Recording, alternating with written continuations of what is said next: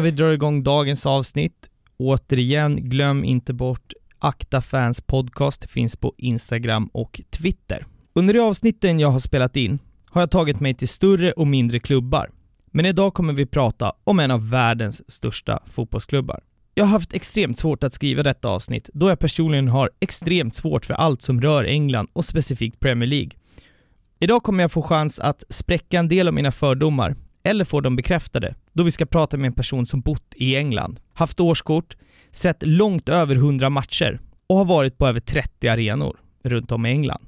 Kanske får detta avsnitt mig att ändra uppfattning om vissa saker. Det återstår att se. Idag ska vi prata om O'Leary-supportrarna här i Sverige, som håller på ett lag många aldrig sett live, och vad man tycker om dem. Vi pratar generellt hur man ser på supporterkultur i England. Vi pratar Arsenal Fan TV. Vi pratar London, försäsongsturneringar med matcher i fem olika delstater i USA. Detta kommer garanterat bli det längsta avsnittet hittills, så låt oss gasa igång. Välkommen till Äkta Fans Podcast, Pierre Hertin. Stort tack! Hur är läget med dig? Jo då, det är bara bra. Speciella tider, men jag kan inte klaga. Vi ska ju prata Arsenal idag. Det här ska bli, som jag sa introt, det ska bli sjukligt eh, spännande faktiskt.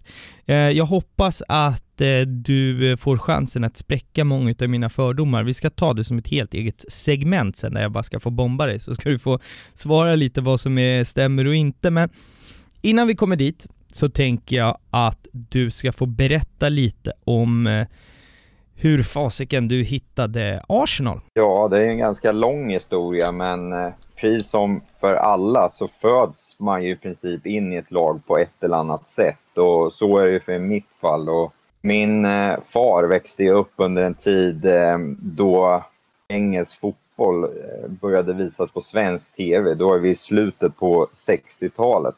Mm. Och eh, en av de första matcherna han såg var fa Cup-finalen 1971 och då spelade Arsenal mot Liverpool. Eh, en final som avgjordes på tilläggstid av en spelare vid Charlie George eh, som pappa, ja, pappa blev låst därefter. Det är ju han som är, är den som har drivit mig in i det och eh, redan dag ett så vi spelade Arsenal borta mot Coventry eh, 1995 och då, den matchen såg jag på sjukhuset med han men sen efter det så är det han som har tagit med mig på min första match och, och växt in mig i supporterkulturen och det som är viktigast för mig, att vara på plats. Det är väl det mm. han har, han är en stor del av den supporten jag är idag. Mm. Men hade farsan från början liksom några, eh, något lag i Sverige eller det har bara varit Arsenal som har gällt för honom och även för dig sådär eller? Han, eh, han är ju uppvuxen i i Örebro och följer ÖSK en del, men eh, Arsenal är alltid det som har varit först för oss och vi... Eh, jag tror att han, han allt eftersom fotbollen har blivit så mycket bättre i England så har han prioriterat det. Eh, Medan jag som är lite yngre kanske, jag ser supporterkulturen på ett annat sätt och kan ju se hur den kanske är mer äkta i Sverige. Men sedan ung ålder är jag alltid så det är det som är har varit prio. Som jag förstår så första gången du, du, du som sagt, du ser första matchen eh, när du är inte ens ett dygn gammal på, på sjuka, men sen eh, när du är 12 år så får du se dem live för första gången. Hur var den känslan att få åka över till England och se första matchen? Ja, den är ganska efterlängtad och, och vi har haft ganska mycket diskussioner hemma varför jag aldrig fick gå med tidigare än 12. Det, de flesta får ju, om du följer ett svenskt lag, går ju på sin första match kanske man är två, tre. Mm. Och, och, och, pappa hade ju varit över på matcher innan mig. Så, så det, det är en ganska het diskussion som jag återkommande ställer frågor till honom för. Men, men som sagt, eh, 12 år och sen, sen dess har jag väl aldrig eh, tittat bak. För det är det som satte största fart på mitt supporterskap. Jag skulle verkligen säga att jag var en annan supporter dagen före det. Om jag hade ett lag i England och hade en son, då hade jag velat åka över och dricka bira. Det kanske inte kan göra med sin sjuåring. Då är det en annan resa tänker jag. Ja, det var ju min ja. första tanke, jag vet inte. Men eh, det, det, är jag. Eh, men du börjar ju, när du är 16 så åker du över och ser din första match solo. Är jag rätt på det då? Det stämmer. Um, så det är ju tidigt Eh, det är mellan eh, årskurs 9 och gymnasiet så börjar jag åka över själv och, och därifrån så börjar jag väl åka aktivt en gång i månaden minst på matchen. Mm, mm.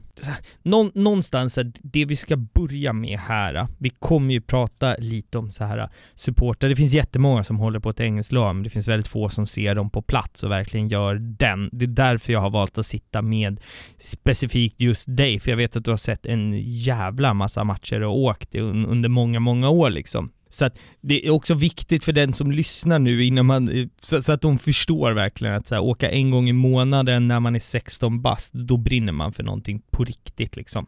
Och eh, du gör ju så att direkt efter studenten så tar du ju faktiskt ditt pick och pack och flyttar över till England. Berätta om det beslutet. Ja, det var väl något jag hade gått och funderat på ganska länge under under de åren på gymnasiet när jag åkte en gång i månaden så hann man ju bygga upp en ganska stor vänkrets i London med, med folk som liksom går aktivt på varje hemma bortamatch. Mm. Ehm, så det har ju blivit under många år ett andra hem och jag kände att jag vill också kunna vara där och gå på varje hemma bortamatch. Och det, var, det var i princip den enda anledningen varför jag flyttade över. Jag hade varken boende eller jobb utan det enda som var mottot var att vara så mycket nära Arsenal som möjligt. Hur, hur utvecklas en supporterskap när man, när man lever och andas klubben på, på plats liksom kontra att, att göra det i Sverige? Det vet du ju nu när du, när du inte bor i, bor i England. Alltså vad är skillnaden skulle du säga? Ja, och pratar vi dagsläge så blir det ju natt och dag. Eh, ett corona där, där om du hejar på ett svenskt lag och bor i Sverige har du ändå kunnat, du ändå kunnat träffa samma folk som du går på matchen med och mm. se en match på TV. Under de ja, kanske sju senaste åren så går jag i princip bara med engelsmän på hemma och bortamatcher. Och mm. de har inte jag träffat på ett och ett halvt år snart. Så det, just nu är det den största skillnaden. Mm. Sen så när jag väl flyttade över så ja, jag fick ett jobb som var kopplat till klubben där jag sålde matchtröjor och, och fick hjälpa många av de sponsrade spelarna. Jag var sponsrad just Puma då där jag jobbade. Mm. Eh, hjälpa dem en del, så jag var väldigt nära klubben på det sättet. Samtidigt som man åkte på varje match, du umgicks med alla supportrar eh, dagligen. Du kunde ta en AV med supportrar. Så det, det, blev liksom Arsenal jämt istället för att det var en gång i månaden. Och det blev en ganska stor skillnad. Även om en gång i månaden var mycket, kanske vissa tyckte, som mm.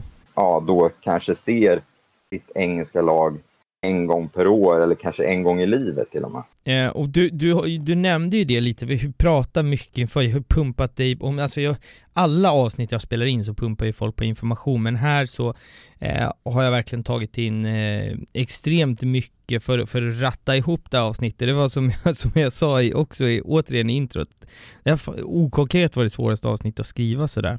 Men du, du nämnde ju någonting, jag antar då att det har att göra med ditt jobb, att du säljer matchtröjor, men du har ju du samlar ju lite på tröjor och har gjort, du har ju några feta tröjor bland annat från eh, Bellerin, jag vet inte om jag uttalar det där rätt. Ja, precis. Eh, så jag, jag åkte ju över utan jobb och hela tiden var väl att ha ett jobb som var kopplat till klubben, inte där jag inte behövde jobba på matchdagar. Mm. Eh, och då, under den tiden så var Puma huvudsponsorn till Arsenal och jag fick ett jobb på deras, i deras butik i lokala London och där kom ah, okay. spelare kontinuerligt in i, i shoppen och då Hector Bellerin var en av spelarna som kom in med sin, sin familj och jag servade dem med, med kläder och skor och allting och då, då hade Arsenal en match eh, om några dagar hemma mot Stoke eh, och då, då tyckte Hector Bellerin att jag hade hjälpt han så mycket att han sa att ja, men messa mig eh, vart du sitter på söndag så, så kommer jag förbi efteråt så får du min matchtröja. Mm. Och i, i Sverige kanske inte det största grejen att det är mer närhet mellan supportrar och spelare i Sverige än vad det är i England. Och i England så ger de sällan ut matchtröjor och framförallt inte vid hemmamatcher. Så det blev, en, det blev lite uppståndelse när han gick ut på läktaren och gav mig tröjan. Medan alla andra gick in i omklädningsrummet. Så det var ganska speciellt.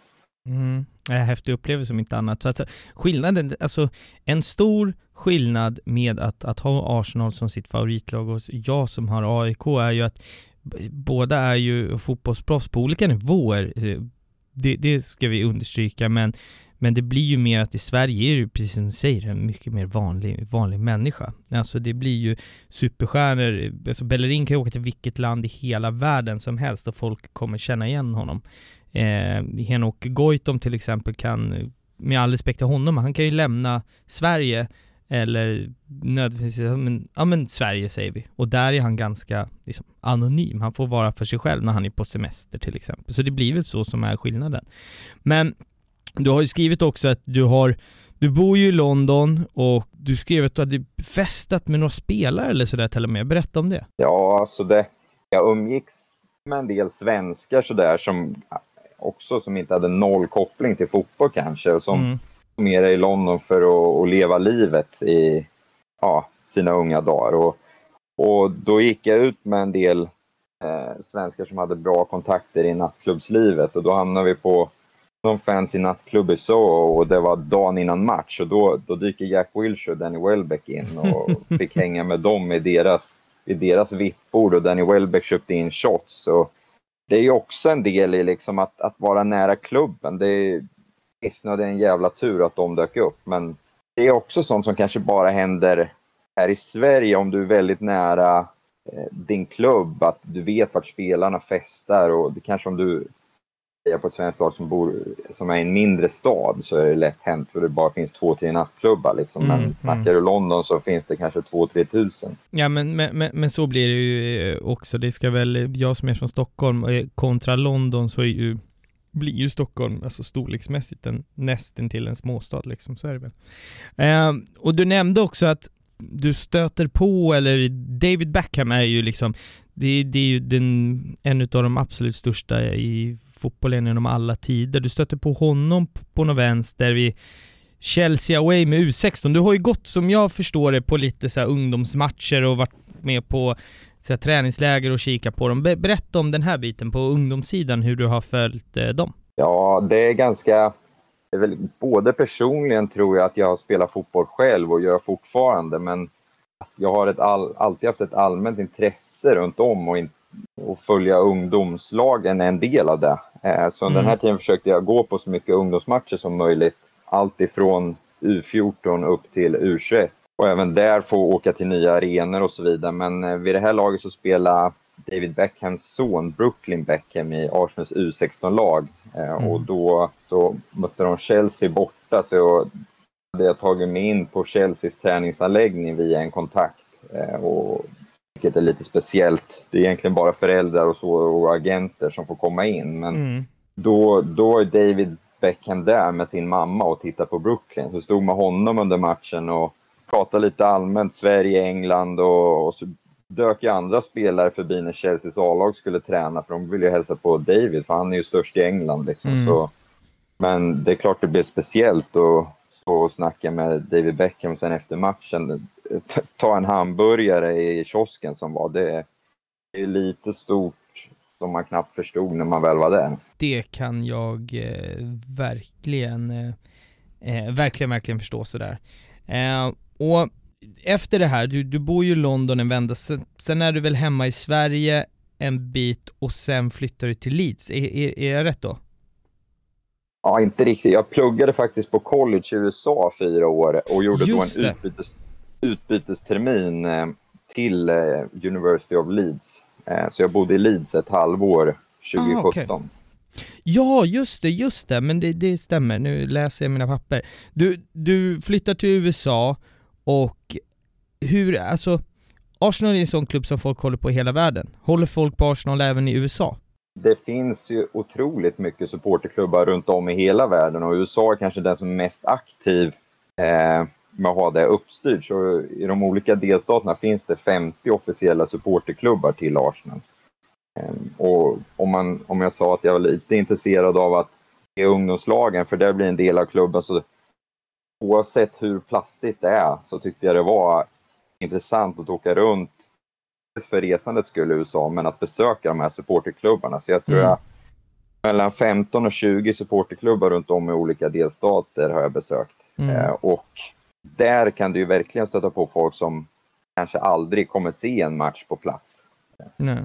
Och, och visst, det är ett annat avstånd, men där kan du ännu mer ställa frågan hur blev ni Arsenal liksom? Ja, det eh, är en, en rimlig, rimlig fråga faktiskt. Sådär. Men du går ju också på lite matcher, det kommer vi ta lite senare här under away days eh, eh, och prata om de matcherna du ser i, i USA då så att säga. Men eh, vi ska ta det här lite, det blir eh, långdraget din resa, vad, vad du gör i, i, alltså under din tid där du bor i England, men jag vill också presentera dig på ett sätt där folk fattar eh, liksom lite vad du är och, och, och, vart du kommer ifrån så att säga. Du är ju i, i Leeds ett, eh, ett halvår, det här är 2017. Eh, det, du sa det, det var tre och en halv timme mellan Leeds och, ja. Eh, och eh, London. Exakt. Ja. Och där får du ju också möjligheten att eh, liksom, du pluggar på college, du har en utbytestermin och då kan du också se Arsenal. Och åker ju och pendlar runt om, ja, till alla borta hemmamatcher. Berätta hur det var liksom. Ja, och precis samma som anledningen att jag flyttade till London 2014 så är anledningen att jag flyttade till Leeds för att, för att ha den här möjligheten att gå på matcher. Eh, Leeds är ingen exotisk destination, även om det är en fantastisk partystad och studentstad. Men mm. Jag hade ju aldrig flyttat dit om det inte var för Arsenal. Så jag var där i ett halvår. Förutom att jag spelade lite fotboll själv så gick jag då på varje hemma borta match och det blev väl en 35 matcher totalt tror jag. Mm. Du har ju nämnt det lite, in, ja. ja. du har pratat lite om det, att du har lirat lite boll. Hur, hur bra har du varit på fotboll själv då? Eh, jag spelar eh, i division 2 just nu, men som bäst har jag spelat i division 1 i Sverige. Okej, okay, okej. Okay. Så det är ändå, ändå ganska högt. Vad har du representerat för klubb i ettan? Jag har alltid spelat i Rynninge IK hela livet, så över 20 år i klubben. Och, så jag spelade för Rynninge när vi var uppe i division 1 två år, åkte ut 2019. Eh, så är kvar i Rynninge. Det blir mm. mitt 20, 22 år i klubben i år. Åh oh, jäklar. Ja, men intressant, där har vi lite presenterat dig och din tid i, i England då, där du har bott där. När Corona släpper, är planen att stanna i Sverige eller är det London som gäller då för dig? Jag har faktiskt ett jobb där, där jag har väldigt bra resmöjlighet. Jag jobbar inom flygbranschen eh, mm. och vi har kontor i Stockholm men jag har under Corona blivit ihopslaget med Londonkontoret så kommer öppnats både vardagliga möjligheter att resa enklare till London. Så eh, mitt mål är väl att se ännu fler matcher och alla är ju sugna, oavsett vilket land du är i nu, att följa ditt lag mer. Mm. Mm. Eh, så, så det är ju prion för mig. Liksom. Intressant. Nu ska vi in på, eh, vi ska prata om engelsk supportkultur, väldigt brett. Vi kommer ju ge oss in på, på Arsenal specifikt såklart, det är därför du är här idag, men du, du har ju också möjligheten att ha, du har ju varit på över 30 arenor runt om i England, så du har onekligen jäkligt bra koll sådär. Eh, och när vi kommer in och ska prata eh, engelsk, brittisk eh, supportkultur, det här leder oss in på eh, poddens första segment som är eh, rätt eller snett. Har du koll på hur det segmentet eh, fungerar? Vad det är för någonting? Jo, jag känner att jag har hyfsat koll. Ja, men då så. Då ska vi se lite vart vi hamnar. Veckans rätt eller snett låter så här. Du som Arsenal-supporter undrar ofta hur folk kan kolla och heja på lag i Sverige på grund av att kvaliteten på fotbollen är så dålig? Rätt eller snett? Mm, att kvaliteten på fotbollen är så dålig? Ja, just nu. Men eh, historiskt sett väldigt bra. Men du menar kanske från ett svenskt, allsvenskt perspektiv? Att fotbollen ja. är dålig i Sverige? Ja. Det tror jag, det tror jag är rätt. Mm. Du kan, eh, alltså att man tänker sig, hur fan kan man följer IFK Göteborg, det finns ju Premier League, typ så. Och alltså då pratar jag om folk som bor i Sverige. Jag ifrågasätter inte att supportrar, jag tror som sagt att man föds in i ett lag. Mm. Eh, och i min värld väljer du inte lag beroende på hur bra de är fotbollsmässigt och du väljer inte liga du följer beroende på fotbollsmässigt. Du, du föds in i ett lag och därefter, därefter får du ta det som det är oavsett om det är League 2 i England eller om det är superettan i Sverige. Mm. Det är min inställning i det hela. Klokt och skönt svar. När jag skrev den här rätt eller snett så tänkte jag så här, beroende på det här svaret så är det jävligt svårt, alltså det är spännande vart det här avsnittet kan hamna beroende på vart vi landar i, i svaret här. Men eh, det, det vi kommer göra nu, som sagt, vi ska prata lite brittisk supporterkultur. Du ska få beskriva vad din känsla är. Jag sitter på så extremt mycket fördomar här. Jag kommer eh, under den här delen av, av avsnittet bara eh, bolla upp ett gäng ehm, eh, fördomar som jag har. Jag tänker att vi ska snacka lite om det liksom. Men om du eh, om, om du bara överlag, jag fattar att det är en extremt bred liksom, fråga, men supporterkultur i England, jag har aldrig varit i, i, på, i, alltså i England överhuvudtaget, jag har kollar inte på Premier League överhuvudtaget. Berätta för mig som har exakt noll koll på hur är det supportermässigt i liksom, en Premier League-match? Ja, alltså det, vi pratade lite innan om att förr, förr vallfärdade folk till England för att uppleva supporterkulturen som fanns där eh, mm. och även i Premier League. Nu, idag får du gå lite längre ner i seriesystemet kanske för att uppleva endast den kulturen med, med så lite turister som möjligt. Det, det har ju med tiden blivit allt enklare att resa till London och även Manchester och, och därav fler turister eh, som kanske inte ens är fotbollsturister utan är turister i staden och går på fotboll som en, en turistattraktion. Mm. Och, och, därefter blir ju stämningen också. Eh, mm. Men även under min tid, det, det, är snart 15 år sedan jag gick på min första match. Eh, och under de åren skulle jag även säga att den har tagit mycket stryk, eh, supporterkulturen, i hemmamatcher. Sen under en lång tid och även i många klubbar är en väldigt stark bortakultur. Hur man reser med sitt lag, hur stämningen är på bortasektioner för att det är så pass svårt att få biljetter till en bortamatch. Och det finns många engelsmän som bara följer sitt lag borta för att de har blivit så pass plastiga och, och kommersialiserade att de tycker inte det är fotboll längre. Det, det, är min bild också.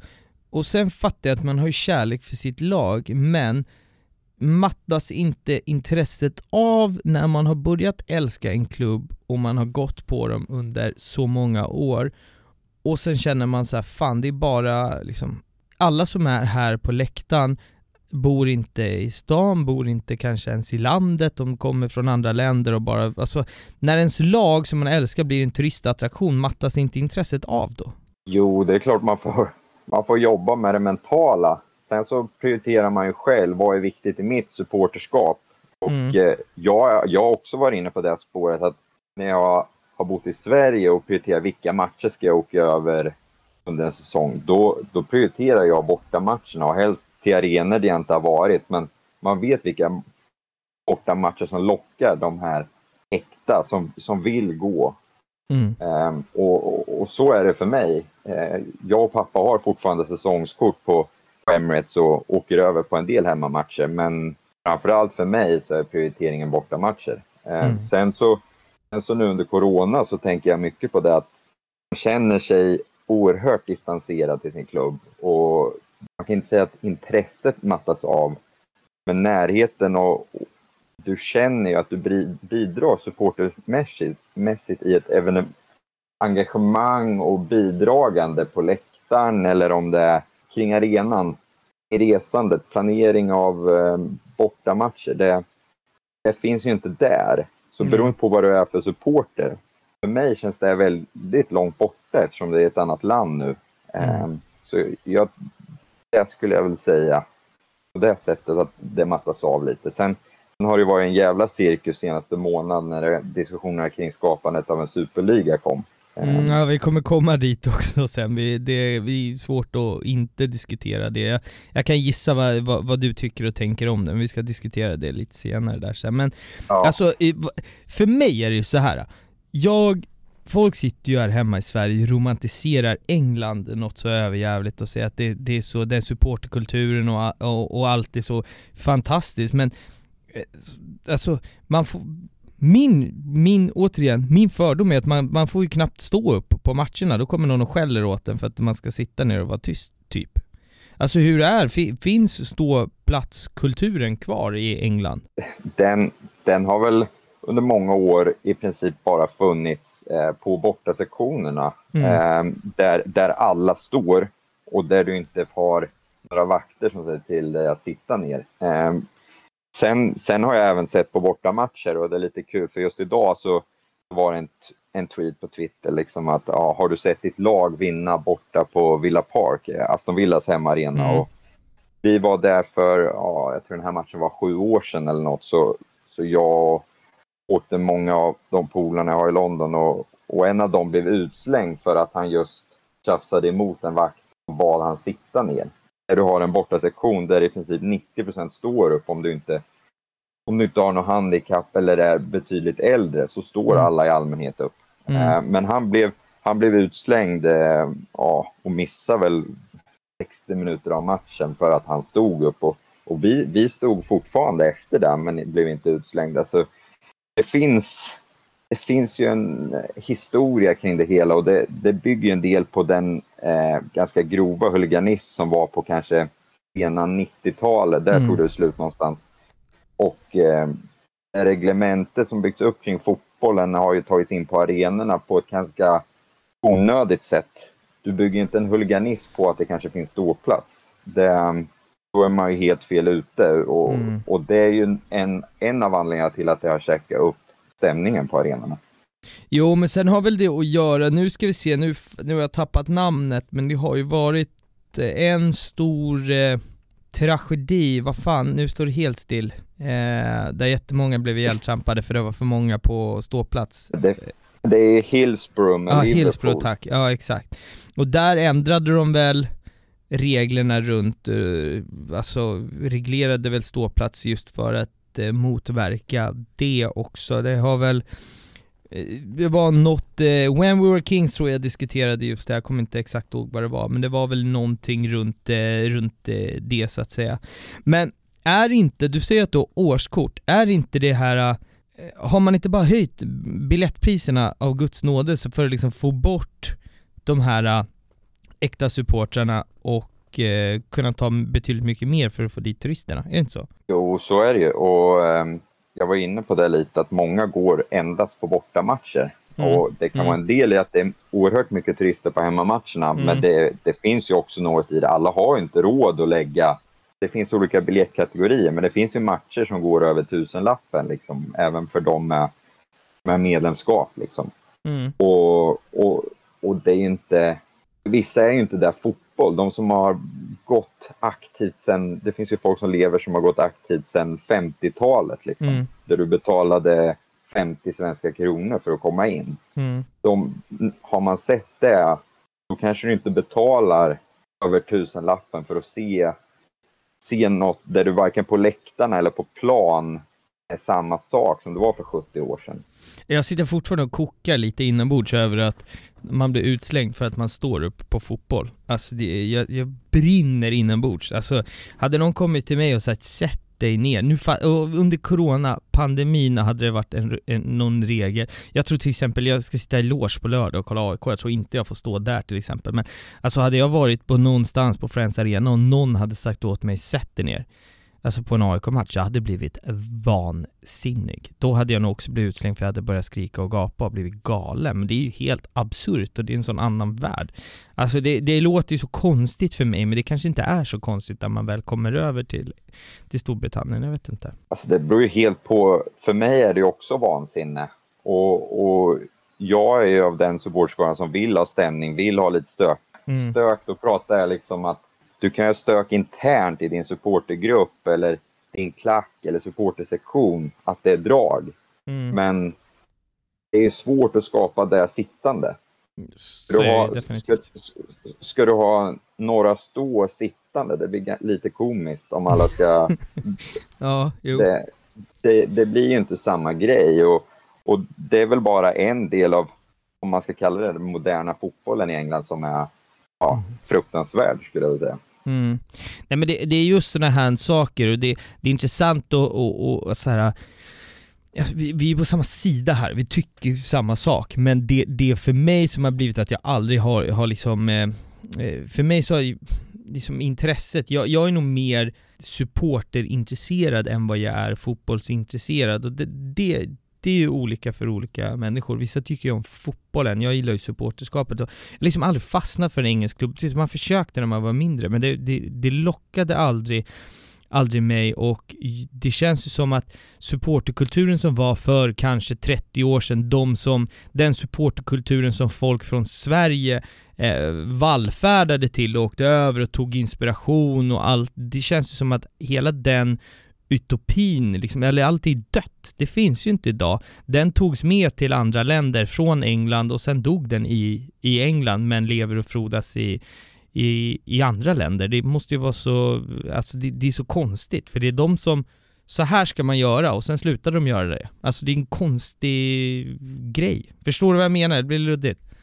Jag förstår absolut vad du menar. Eh, och skulle du jämföra Sverige och England i det här så skulle jag säga att handlar, det finns supportergrupper, precis som det finns till AIK eller Djurgården finns det ju precis supportergrupper till Arsenal. Men den, mm. jag skulle säga att det är mer organiserat i Sverige att Snackar du bortamatcher så styr man upp bussar, du styr upp tåg där alla åker i samma. Mm. I, I, England så är det, är det absolut, det finns supportklubbar, men till en bortamatch så åker du bara några stycken. Du bokar tåg. Du har ju inte samma ultraskulptur heller och det är inget jag, det vill jag inte in i England, det pratar vi lite om. Det finns ju lag som Crystal Palace och Liverpool försöker vara något som inte är engelsk supporterkultur med, mm. Mm. lite pinnflaggor och rökbomber och bengaler är en grej, men tar du in trummor och kör något som inte är av den engelska identiteten, då tycker jag nästan det på ett sätt blir mer plast. Att inte ha stämning alls på något sätt. Att du tar in något för att, bara för att. Du ser dig från Sverige, Frankrike, Italien, men det är inte England. Nej, eh, nej jag förstår vad du menar. Du försöker skapa något du inte är.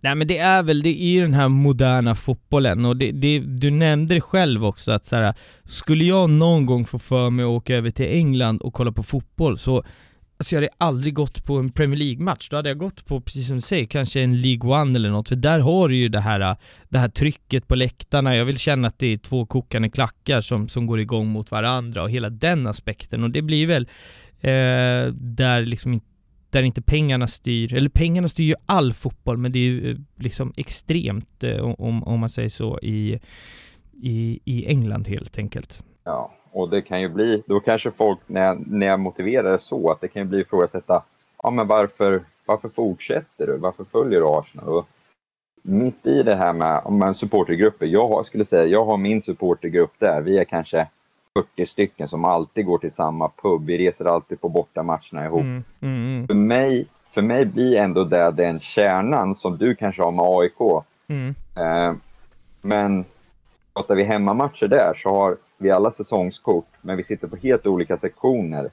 Eh, jag och pappa stod i kö i tio år för att få våra säsongskort. Eh, just nu är väntelistan på för säsongskort på Arsenal nästan 60 000 och arenan tar 60 000. Mm. Um, och det är ju sig, säger ju bara liksom hur, hur, ska du kunna samla din kärna och, skapa något drag? Mm. I Sverige då är det inga problem. Ni bokar den sektion ni vill ha. Alla samlas inför, inför säsongen. Vi sitter här. Alla samlas där. Mm. Här blir liksom, ja, vi går på puben ihop. Sen går vi in på matchen. Sen ses vi efteråt. Mm. Många är ju delen att stå ihop, fira mål ihop det gör vi på bortamatcher. Där mm. det är inga problem att stå vart man vill, men mm. hemmamatcher blir en annan grej då. Ja, alltså bortamatcher, vem fan älskar inte bortamatcher? Det låter så, det är så mycket som är så är svårt för mig att ta in, att man satsar på bortamatcherna för att där kan man stå tillsammans och där är drag. Alltså det låter så jävla absurt i mitt huvud bara. Men alltså jag, jag hör ju vad du säger och jag hade på något sätt nästan önskat att du, du sa, alltså att du inte höll med mig så mycket, det hade nog blivit mer content och vi hade tyckt det jävligt olika eh, sådär. Men, men Ja, det, jag, jag vet inte riktigt, jag är så lite golvad över Fortfarande att någon blev utslängd för att han stod upp är det sjukaste jag har hört. Eh, sådär. Eh, och 60 000 väntelistor, det är mycket att, att, att ta in, så, kan man eh, säga och jag blir lite jag tappar orden, lite så.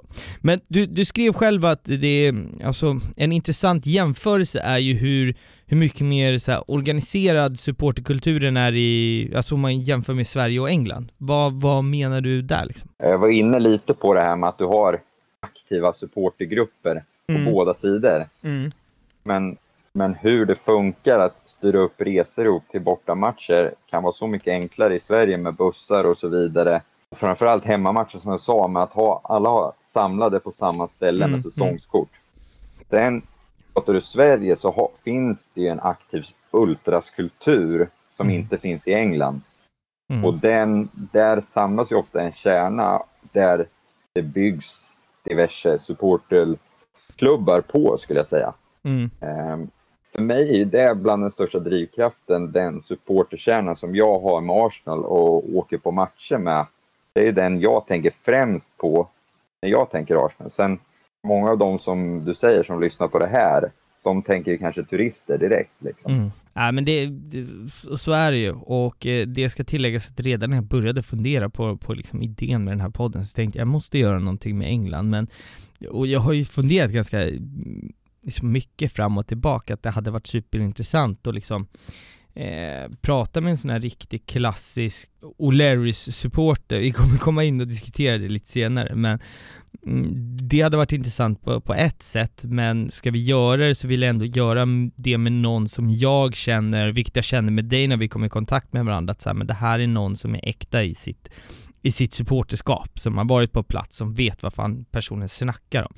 Det finns ingenting i hela världen som kan göra mig så galen som att sitta och diskutera liksom supporterskap med någon och sen frågar man hur många gånger har du sett ditt lag?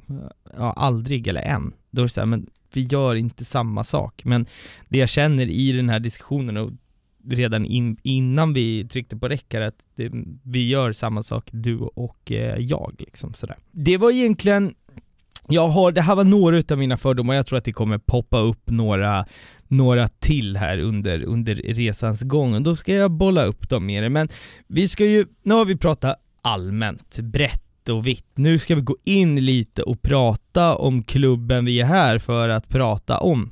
Arsenal, eh, för mig är den klubben Thierry Henry, eh, tidigt 0-0 eh, och han curlar mm, alla bollar i, i bortre burgaven och hur man var otroligt jävla bra i början på, på 0-0 sådär. Vad, Arsenal som klubb för dig, vad är eh, det om man går in liksom mer specifikt på klubben och sporten och lite sådär? Ja, alltså det finns ju oerhört många år tillbaka du kan dela upp i Mm. segment. Du är inne tidigt 00-tal och det är just när vi har ja, klubbens bästa år någonsin. Eh, och det är det jag växer upp med, vara bäst i England, vara en av de bästa i Europa. Spela Champions League-final 2006, gå obesegrad genom ligan 2004. Just. Eh, och väldigt mycket fokus på Arsenal i Sverige på grund av Fredrik Ljungberg. Eh, och det är ju liksom de som växer upp nu och ser Manchester City eller Liverpool kanske. Men Mm. eh, de, de var ju liksom störst då med, och kanske inte just året, åren jag föddes, slutet 90-talet, men då 2000-talet, det- man, man kunde ju ha ganska hög svansföring när man gick till skolan och, och så liksom. Mm. Och sen, ehm, sen är vi ju inte bäst nu kan man säga, långt ifrån. Och, Nej, idag är en ganska utskrattad klubb, alltså om man Alltså det, det beror helt på vad man jämför med, men jämför man med liksom toppklubbarna i, i, i England och världen så har ju Arsenal varit jävligt utskrattade de senaste åren för man har inte fått till det. Alltså så. ja, och så är det. Och även då 00-talet, pratar du ett supporterperspektiv, så var vi ju inte lika påverkade av det kommersialiserade. Vi var kvar på Highbury, färre turister, fler aktiva som reste, en annan stämning på hemmaplan också. Mm. Mm. Eh, Så, och, och det, är klart, det är klart det drar mer när, när lag går bra, så är det ju med alla och det är inget med medgång att göra. Det blir, att, det blir en helt annan stämning i supporterleden också. Det som man inte kan ta ifrån är de mesta mästarna av FA-cupen. Kan vi baka ner lite? Jag, det, det finns ju typ, för, för mig så finns det Premier League och sen finns det 11 kupper i England som spelas varje år. Eh, typ. Jag vet att det inte är 11, men det känns som det. Va, vad är det för olika troféer som delas ut i England varje år? Förutom ligan och FA-cupen. Ja, sen har du ju ligacupen eh, som är, den har bytt namn under alla år, så den är ju lite Mickey Mouse Cup, kallar de den i England. Så det, det, det blir lite Lattjo Men sen har du också Community Shield som blir som, jag tror det fanns i Sverige kort period, cupvinnarcupfinalen, typ där, du mö, där cupmästaren och ligamästaren möts. Eh, ah, super, inte... Eh, supercupfinal? Ja, exakt. Vann AIK 2010. Fint. Okej. Okay. Men ja, det är ju, ja, cupmästaren mot ligamästaren möts helgen innan premiären av säsongen. Sen, ah, sen förs det ofta diskussioner om det diskuteras som en titel eller inte, vilket jag inte skulle säga det är. Men ja, det är ju dem. Sen är det ju en massa Europaspel, så det är därför mm. det är så himla mycket matcher också. Men varför har man flera kupper? Alltså vad är skillnaden på dem? FA-cupen är ju den som alltid har levt längst. Ligacupen har ju växt in. FA-cupen får alla delta i ända hela vägen ner i ligasystemet. Även amatörklubbarna får kvala sin. Okay. Den ses ju som mest äkta. Ligacupen har inte alltid funnits där och därav ses inte som lika äkta och alla, alla klubbar har inte chansen att vara med heller. Nu har vi fått en liten om Arsenal, vi ska hoppa in och prata om supportrarna och supporterkulturen, men innan där så, innan vi hoppar dit så vill jag ta tillfället i akt och, och eh, prata om det nya som jag har startat upp med Patreon. Och för det första så tackar jag ödmjukast och hälsar min första Patreon eh, Johan Grape in och eh, vill veta att du lyssnar och vill eh, tacka för allt du gör och hjälper mig med. Sen vill jag också välkomna Mona Hedlund som nummer två. Tack för att du vill stötta mig också. Jag nämnde det här om det var i förra avsnittet, men vill man så kan man gå in och stötta podden lite extra via patreon.com eh, slash aktafanspodcast. Det som kommer att hända där är att jag kommer att ladda upp avsnitten lite tidigare. Tanken framåt också när jag får lite mer tid över är att jag kommer att ladda upp eh, kortare intervjuer som rör avsnitten. Eh, till exempel om eh, förra veckan pratade vi med Landskrona om hur de gick på Helsingborg-Halmstad. Ett sånt exempel att lägga upp på Patreon skulle då kunna vara att man intervjuar våran gamla gäst från Halmstad-avsnittet som faktiskt var SLO på den matchen och sådana här saker. Så det är framtiden eh, via patreon.com eh, slash aktafanspodcast och jag blir jätte, jätteglad om ni vill gå in och stötta där, så att gör gärna det. Det kostar 50 spänn i månaden ungefär och eh, ger mig lite ekonomisk vinning i podden. Yes, vi ska gå in och prata lite om supportrarna till eh, Arsenal, sådär lite vitt och brett och vi ska prata om hur eh, liksom en, en, en matchdag kan se ut sådär, men det som många får upp eh, som liksom top of mind när man pratar Arsenal är Arsenal Fan TV. Vad är din, när jag säger Arsenal Fan TV, vad säger du då? Spya, kanske. Spya? Berätta, utveckla. Nej, men, ja, men eh, det är väl en av de kanske värsta faktorerna till att Arsenal har fått en så pass utskrattad bild, både supportermässigt och som klubb. Eh, och för mig blir det en väldigt skev bild av vår supporterkultur. Jag tror att vi var bland de första tyvärr av att få en sån här grupp youtubers som jag kallar det. Jag tror mm. eh, lyckligt nog inte har kommit till Sverige för er skull, men eh, för de som inte vet så är det alltså man filmar supporter. Det kan vara att folk filmar sig själva inne på arenan under matcherna. Reaktioner, sen intervjuar man andra supportrar efter matcherna för reaktioner. kan låta som ett bra koncept, men, men här har det liksom kommit ut bevis på att ja, de tjänar pengar på när de får så mycket klick, eh, klick som möjligt och där får de när Arsenal förlorar. Mm. Eh, och de har varit väldigt drivande just när Arsenal förlorar och det blir ju ganska konkret att ja, hur kan du då kalla dig supporter och tjäna peng pengar på våra förluster? Det, det, jag vill det... säga här bara, sticka in, det går ju att göra det eh, bra. Jag vet att jag har Väldigt många som lyssnar eh, har ju hittat mig från början via supporterkanalen. Jag vet inte om du har någon aning om vad det är, men det är ju ett, eh, ett, ett koncept här i Sverige som är inspirerat utav Arsenal Fan TV, men det är inte riktat mot en klubb. Där intervjuar man eh, Hammarby, Djurgården och AIK-supportrar efter hemmamatcherna.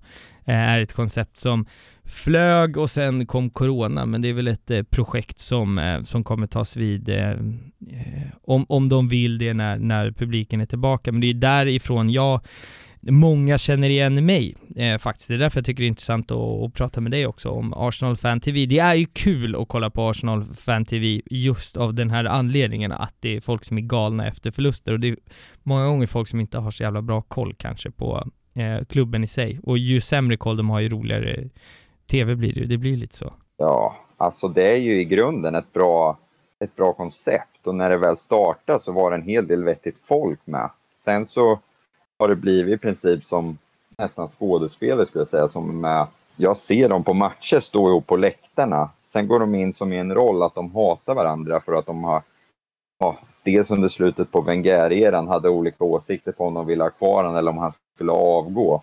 Och eh, står framför kameran och i princip nästan ska slåss med är bästa polare inne på arenan. Och, och det blir ganska fejk och, och vissa skapa reaktioner som inte är verkliga bara för att få klick. Liksom. Men eh, det är klart, skulle du intervjua vettigt folk så är det ju ett bra koncept mm. att få supporterintervjuer istället för spelarintervjuer om man säger så. Mm, mm, mm. eh, jag skulle väl säga att Arsenal Fan TV är en del om man går tillbaka till Arsenal supporterkultur har delat supportergrupper och eh, en annan del var då just som sagt när Wenger hade sina sista år så var det väldigt het stämning mellan olika falanger om man vill ha kvar honom eller inte. Och en del interna bråk på bortamatcher och jag var av den aktiva eh, supporterskaran som ville ha bort han och, och stod själv med banderoller på, på läktaren med avgå Wenger. Men, eh, och det står jag än för idag oavsett vilken stor legend han är. Men eh, mm. jag tror att det än idag en anledning till att supporterleden är lite delad. Intressant, det, ja, det är kul och, och, har man svårt att ta in vad det är så kan man ju gå in och kolla men eh, det är bara att söka på AFTV mm, och, och, och, få en lite känsla av konceptet men det är som sagt, man ska ta, ta med sig när man tittar på det att det kanske inte är den sanna bilden om den genomsnittliga Arsenal-supporten. Är det så vi ska summera ihop det? Ja, det vill jag gärna framföra. ja, men grymt. Du, eh, jag tänker att vi ska prata lite om hur, hur en matchdag ser ut för dig. Det är ju, vi här i, i, i Sverige har ju, har ju liksom våran, eh, där är väl ganska samma lika sådär, men du har en, eh, över 130 matcher på plats i England. Eh, du har varit i över 30 arenor. Eh, men jag tänker först, beskriv en, eh, en vanlig, liksom, när, när, du är över, när du åker från Sverige till England för att kolla en match, hur, hur, hur ser det ut för dig då? Ta oss igenom matchdag liksom. Ja, alltså jag reser ju helst dit då dagen innan match senast. Ibland har jag rest in på matchdag och även rest in och åkt hem samma dag. Men eh, mm. har jag tiden så är jag gärna där tidigt på matchdag. Eh, det finns ju ofantligt mycket pubbar. Eh, så ibland är det ofta planering och höra med folk vart man ska innan. Sen mm. på senare år har det växt in att vi går alltid till en pub före som ligger norr om arenan. Eh, och sen går alla till en som ligger söder om arenan efteråt. Eh, eh, sen, sen förr var det så när, liksom, när jag var 12, då handlade det inte om puben. Då var man ju då var det ju mer den här fotbollen. Att då var man nästan inne en timme före match. Man ville se uppvärmningen för det var så jävla coolt. Men, mm. men eh, desto äldre man blir, desto viktigare är puben nästan. Nu, nu får man ju stressa för att hinna in till matchstart för man glömmer bort sig för det roliga inne på puben. Liksom. Men, Den har ju hänt att men, man har klivit in det 5-10 sent några gånger. Ja. Så är det ju. Så alltid noga planering vilken pub man går på och det är oftast eh, Kings Head eller T-Bird på Blackstock Road heter den. Det blir ju väldigt Arsenal-specificerat. Mm. Eh, sen efteråt går vi ofta till en som heter Two Brewers vid Caledonia Road och det finns ju väldigt mycket turistpubbar som man vet att här hamnar alla som kommer första gången eller som, som inte är här jämt. Så lite därefter har ju vi planerat vilka pubbar vi går till för att mm. vi hittar inte alla eller det här lockar inte alla. Okay. Ja, sen varje gång jag går in på min plats har jag ringt morfar i alla år. Så det är väl traditionerna man har, man ska säga. Hur ser era läktare ut? Vad, alltså om vi tänker så här, jag har ju min bild av hur en läktare ser ut. Eh, vad finns på era läktare om du förstår vad jag menar? Är det, eh, finns det ståplats på Emirates, är det ni spelar på eller? Ja, nej det finns inte ståplats. Är det, det är sittplats runt hela, hela arenan. Eh, ja. Flaggor, sånger, alltså finns det överhuvudtaget eller är det bara sittplatspublik som gäller? Man får gå tillbaka lite till flytten ifrån Highbury till Emirates så, så alltid den norra läktaren som kallas North Bank har alltid mm. varit den som är sångstarkast och, och det är väl där det har varit svårast att få säsongsbiljett. Eh, så där skulle jag säga att det finns en sektion block 6 som är ganska aktiv eh, med att bidra till stämning liksom. Sen, mm. sen så är det ju mer att du kanske har utspritt att sångerna sprids mot, eh, mot i Sverige. Du har en klack. I England är det mer, det blir mer utspritt. Det kan startas någon sång här och där. Men jag skulle säga att block 6 i North Bank är, är väl det mest drivande. Mm, mm. Man snackar hemmamatcher. Du, du som har gått under, under, under så många år och du, du prioriterar ju mycket som sagt bortamatcherna just, just för stämningen. Å, återigen, alltså när jag hör det här, sittplats, publik runt är det inte tråkigt? Ja, alltså... jag skulle ju ljuga. Jag skulle ju ljuga om jag sa att varje match är rolig. Eh, sen, alla stora klubbar i England har ju så mycket turister och biljetterna är så pass dyra och många prioriterar då kanske gå på någon hemmamatch. Jag skulle säga att vi har väldigt djupa dalar där det är otroligt tyst. Har vi en hel del bra toppar i de större matcherna. Och mm. Det kan också låta plastigt. Ja, det dyker bara upp när det är stora matcher. Men eh, lite så är att det är bäst drag vid de stora matcherna. Mm. Eh, visst, så kan det vara i allsvenska klubbar med när det är derby, när det, det är klart det är bättre drag. Mm. Eh, men absolut, och, och jag och pappa har inte säsongskort i North Bank block 6. Vi har eh, den bästa läktaren, övre West Stand. Mm. Eh, och eh, inte där det sitter flest turister, men eh, absolut långt ifrån de som är mest aktivt där för att skapa stämning skulle jag mm, säga. Mm, mm, Nej alltså jag, jag bara, å, återigen så sitter jag och lyssnar och om liksom, om utvecklingen skulle gå liksom på AIK till bara sittplats, inga flaggor, inga sånger, då du vet, vad fan ska jag gå dit för? Det är, det är mer så jag tänker, det är därför jag, det är därför jag ställer frågan, men Ja, det, det är ju som det är och det är ju pengarna som styr, det kommer vi fan inte undan ifrån alltså, så är det ju. Pengarna måste in om man ska vara ett av världens största ja. lag. Men Sen, sen ja, så vid de här topparna, ja, mm. absolut, mm. jag skulle bara flika in att vid de här topparna mm. kan det ju vara riktigt bra där det är sittplats hela läktaren. Mm. Men får du en sektion att stå upp så följer alla ofta efter. Mm. Då kan det ju bli, så kan det bli vid de bästa matcherna i Sverige med. Men mm. här ska jag mer säga att det är aktivt det här, hetsa mot domaren, stå upp, sitter du på nederetage så du följer med matchrytmen hur, hur trycket är. Och, mm. ja, men, jag säga, nu har vi varit på Emirates sedan 2006 och mm. tre år tillbaka ett derby hemma mot Tottenham. Och det var inte flaggor och så, men då det är folk som hade fått in rökbomber som kastades in på borta sektionen och ja, men då, då stod i princip hela arenan upp och det finns sådana toppar med, även mm, om de kanske mm. inte är lika många som, som andra lag har. Mm, jag förstår.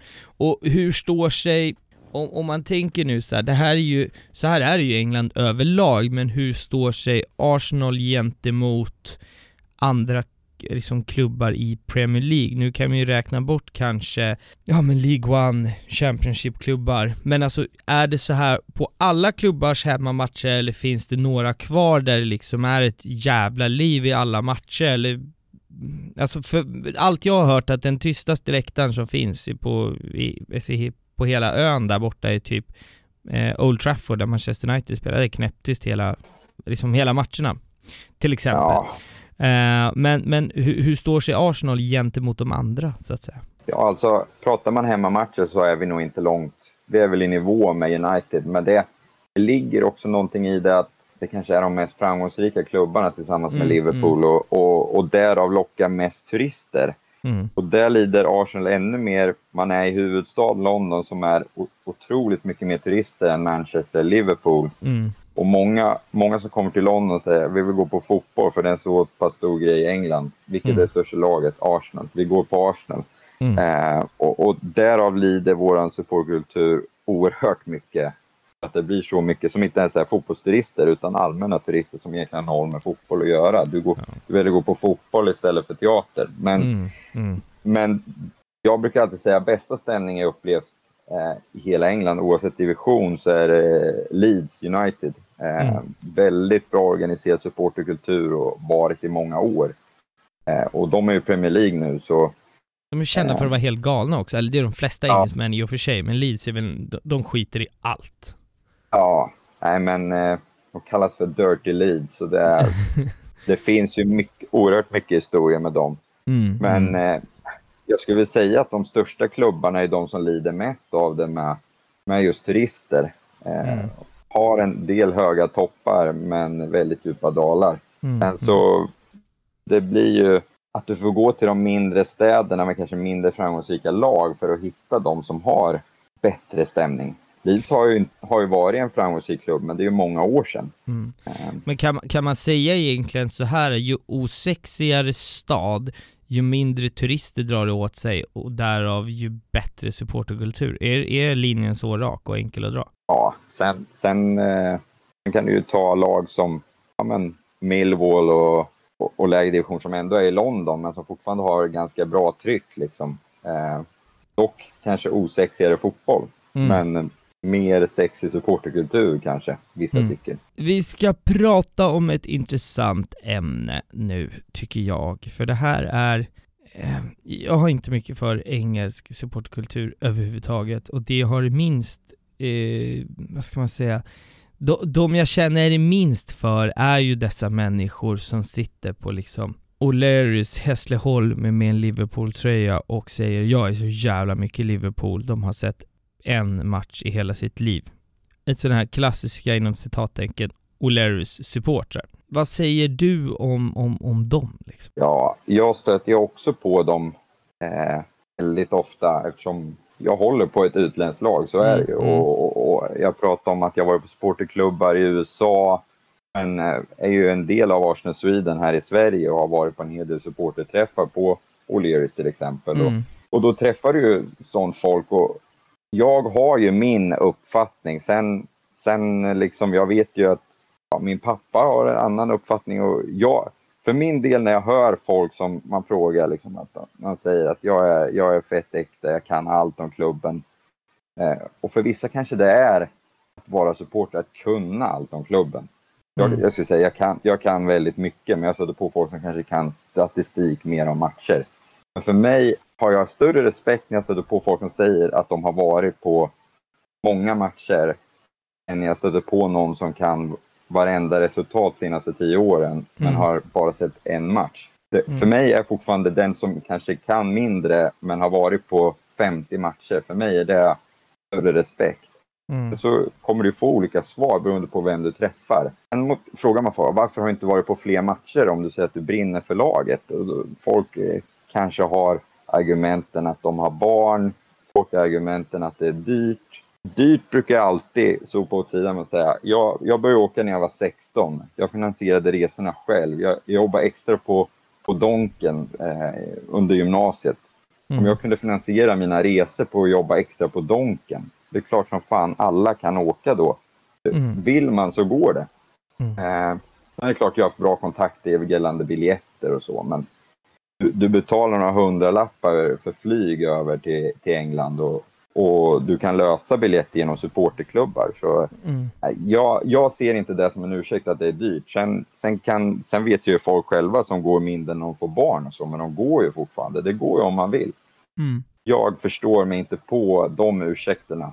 Eh, kan det, Kan det bli så här anledningar. att, jag gissar ju på att du stöter på den och det var ju det var ju liksom, in, innan vi började prata lite djupare med varandra så, så är det min direkta, när någon säger, när någon säger till mig att de håller på ett lag i England så utgår jag från att de är plast tills de motbevisar mig. Alltså så. Eh, och är det för dig som har liksom så brunnit för det, som har jobbat extra på Donken, slitit för att ta sig över eh, till England, flyttat dit, gjort allt det du har gjort. När du då stöter på någon på, ja, vi, vi, O'Learys Hässleholm som, som, som försöker liksom säga att ni, du och den personen, om vi är på samma lag, vi är samma lika, men den personen har liksom gått på en match. Känner du då att så här, fan, vill man inte bara såhär håll käften, det, vi gör inte alls samma sak. Blir man inte frustrerad och är det jobbigt att bli ihopklumpad med dem? Förstår du min fråga? Ja, alltså det finns ju, det ska jag absolut säga att det har varit i vissa fall. Och, och det värsta, jag, jag är aldrig den som skulle säga att jag, jag skryter inte om att jag varit på mycket matcher. Nej. För mig är det så pass viktigt att gå på matcher i ett supporterskap, att, att det blir något så att om jag pratar med någon och den säger att den aldrig har varit på match eller varit på en match och inte aktivt försöker gå på fler, så, så, så är inte vi i samma värld om man pratar om laget. Det, det, det, blir inte...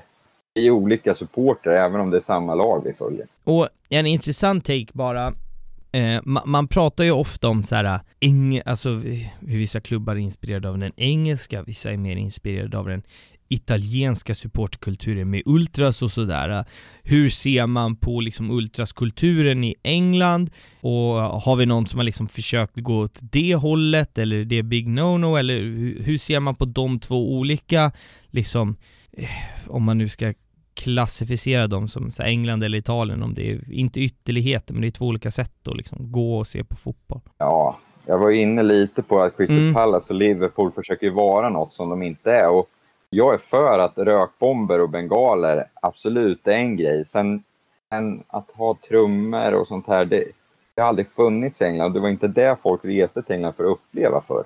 Eh, utan det är mycket det här med vad man har på sig. Det är eh, dyra märkeskläder, bra tryck på läktarna, det är hets mot domaren, det är, eh, det är mer det. Det är inte det här med det är inte det här med tifon och så vidare som absolut, jag tycker det är jättehäftigt, men det är ju inte England. Nej. Och jag förespråkar inte att, att trummor och pinnflaggor ska in på Englands läktare, för då blir det något det inte är. Mm. Eh, men sen hur man ser på det i England, jag, jag har faktiskt haft en del ja, Arsenal-polare från England som har kommit över och velat uppleva Stockholmsderbyn. Mm. Eh, så, så jag har tagit med dem på matcher bara, och liksom, de tycker det är helt fantastiskt att bara uppleva stämningen och det är något helt annat. Att, att stå på stå, finns det ståplats liksom. Det är, för dem är det helt otroligt. Och det är organiserade tifon med bengaler, rökbomber, konfettin. Det, det blir något annat. Så det är inget man snackar ner. Sen är det ju något som jag tror de som har varit med länge i England inte vill föra in, för det blir något man inte är som sagt. För, för mig är det så konstigt att det, för det har alltid funnits, det är så självklart, det är klart som fan det ska finnas flaggor och bengaler och sång och ståplats. Det, det är det, alltså för mig är det det det handlar om. Eh, och det är det som blir så, så intressant. Eh, du, vi ska studsa vidare in här på eh, poddens andra segment, eh, Away Days. Och du har varit inne lite på att du har eh, gått på college i USA och de här stora drakarna ute i fotbollsvärlden, de åker ju på sådana här försäsongsturneringar för att sälja matchtröjor borta i... Vissa drar till Asien eller arabvärlden och eh, även i USA och där har du varit på i fem olika delstater och sett Arsenal i USA. Ja, alltså det blir ett helt nytt steg och, och jag nämnde det att jag besökt supporterklubbar de i USA som mm. är väldigt välorganiserade. Men mm. Man kan ju verkligen ställa sig frågan där hur, hur de har hittat Arsenal. Liksom. Jag har ju mm. fötts in i det, men det är inte många där som, som kanske har gjort det. Sen, sen vet jag folk där som aktivt reser över, kanske inte varje månad, men ett antal gånger per säsong. Och, och mm. Ändå respekt på ett sätt. Sen, ja, verkligen. Sen så, sen så, sen så liksom, vi har inte varit inne på det, men i Sverige kallar man ju liksom folk för julgranar om man går med matchtröjor. Och, mm jag, jag har inte haft en matchtröja på mig under när jag gått på match på kanske de senaste tio åren. Men mm. eh, där är det svårt att hitta någon som inte har matchtröja på sig. Mm, Som mm. kanske inte alla... Folk har inte full förståelse för fotboll där, men för, för mig att åka runt där på... Jag har varit på två försäsongsturnéer som sagt och sett Mm. fem matcher i USA med Arsenal. Eh, Mm. En 2016 och en 2019. Den första var i Kalifornien. Vi bryr oss ju inte om när vi åker över då vad det blir i matcherna. Det är ju själva resan och ändå Mm. se Arsenal i USA som har varit häftiga. Och det, det blir ju mer... Det är ju samma om du ska se en försäsongsmatch med AIK, bryr du inte riktigt om hur det går. Utan har väl mest varit grejen av att åka till andra sidan jorden och se matcher. Mm, Eh, mm. Det skulle jag väl säga. Ja. Nej, men häftigt Det ändå att få det. se dem där och det är en sån udda tillställning där, där resultatet är liksom inte ens sekundärt utan det är väl femte pri och det är bara att sälja biljetter och matcher och kommersialisera klubben liksom. Det är väl det det Ja. handlar om egentligen sådär. Eh, men om Ja. man ska prata en, eh, en lite mer, ska man säga, seriös bortaresa. Ni drar till eh, Standard Liège i Belgien va? Eh, 2019, gissar på att detta är Europa League. Berätta om den matchen. har ju varit på en del Europaresor och det där blev ju tyvärr min sista före Corona då. Mm. Eh, och eh, väl, kan ju nämna flera bortresor, men vi tar den just då som var den Mm. sista. Mm. Eh, och där ska jag säga att vi var väldigt bra.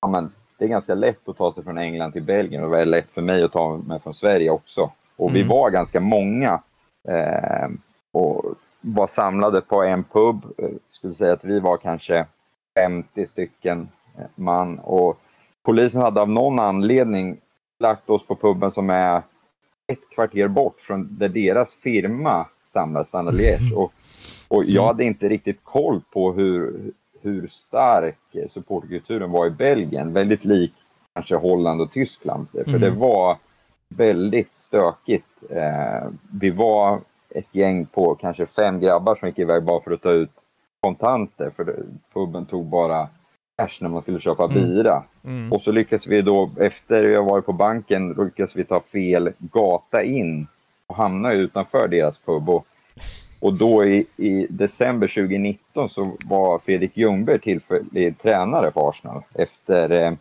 att. Unai Emery hade fått sparken. Så, så jag hade ju tagit med mig en stor svensk flagga för att hänga upp på borta sektionen. Mm. Och det finns ju den här kulturen med att sno flaggor av varandra. Mm. Och, och jag bar ju den och vi kom där och de, de eh, kommer ut med ungefär 30 grabbar och vi är fem eh, utanför deras pub. Ja, det var ju ingen chans att liksom stå upp, men vi var tvungna, det fanns ingen, vi kunde inte vända tillbaka, vi var tvungna att gå förbi. Det blev ju liksom springa, men det roliga är att folk, grabbarna i vårt gäng garvade åt det nu i efterhand att deras mål var ju att sno min svenska flagga som egentligen har ingen koppling till Arsenal. Mm. Utan det var ett... Jag blev sparkad och de försökte rycka flaggan men på något sätt tog man ju sig ur. Men det kunde ha gått riktigt illa. Eh, men eh, det blev ju bara att löpa och polisen stod en bit bort. Dock gjorde de inget men eh, De är så jävla trötta på engelsmän utomlands. Alltså, Ja. De är kända Ja. grisar när de kommer utomlands. Det är, då, det är som att liksom eh, släppa lös ett barn med sockerkick. De är ju helt tokiga när de kommer ut med landslag och får spela i Europa. För där är ju där kan de leva ut den supportkulturen i mångt och mycket som inte finns kvar i England för att det är så hårda eh, regler runt allt och övervakning och huliganlagar och så vidare och så vidare. Liksom. Det väl, har väl mycket Ja. med det att göra. jo, Eh. man blir ju... Jag, jag skulle nog säga om man var inne på att min polare blev utslängd för att han stod upp. Jag tror blir du, blir du avstängd i England, då blir du avstängd på livstid från att gå på matcher med din klubb. I Mm. Sverige blir du avstängd en säsong motsvarande och då är det ganska hårt i Sverige kanske. Ja, det finns de som får två också tror jag. Ja, Det beror lite på men, eh, eh, vad du gör. ja Men, eh, eh, ja, det var den sista. Sen, sen har jag gjort en del andra. Sista matchen blev ju Burnley borta i februari eh, 2020 då. Men sen Ja. så kom ju Corona. Mm, nej, vi har ju några här eh, som är intressanta. Vi har ju också Eh, ni går ju till Europa League-final. Där står Chelsea på schemat och matchen spelas i Baku. Hur långt är det egentligen mellan eh, alltså Chelseas arena och Arsenals arena? De ligger i västra och vi i norra. Eh, jag skulle väl uppskatta med tunnelbanan att det kanske tar en eh, halvtimme Mm. ungefär med byte. Eh, Och nu ska ni spela mot varandra i Baku i Azerbajdzjan. Berätta om resan ner till Azerbajdzjan och Baku. det, det är ju ganska intressant. Två Londonklubbar ska mötas där nere, så för mig var det ju då en ganska stor bonus att försöka hitta flyg från Sverige eh, ner till ett land där det inte går några direktflyg. Medan de i England, det blir ju konkurrens och flygpriserna pressas upp. Mm. Eh, men, och ändå, man kan tro att det blev lätt för mig då. Totalt blev det ändå fem flyg dit och hem totalt. Med på vägen dit, flyg till Istanbul, byte av flygplats och nio timmars mellanlandning. Eh, och på vägen hem via Ukraina och Lettland. Det är klart det var en speciell resa och, och väl där nere.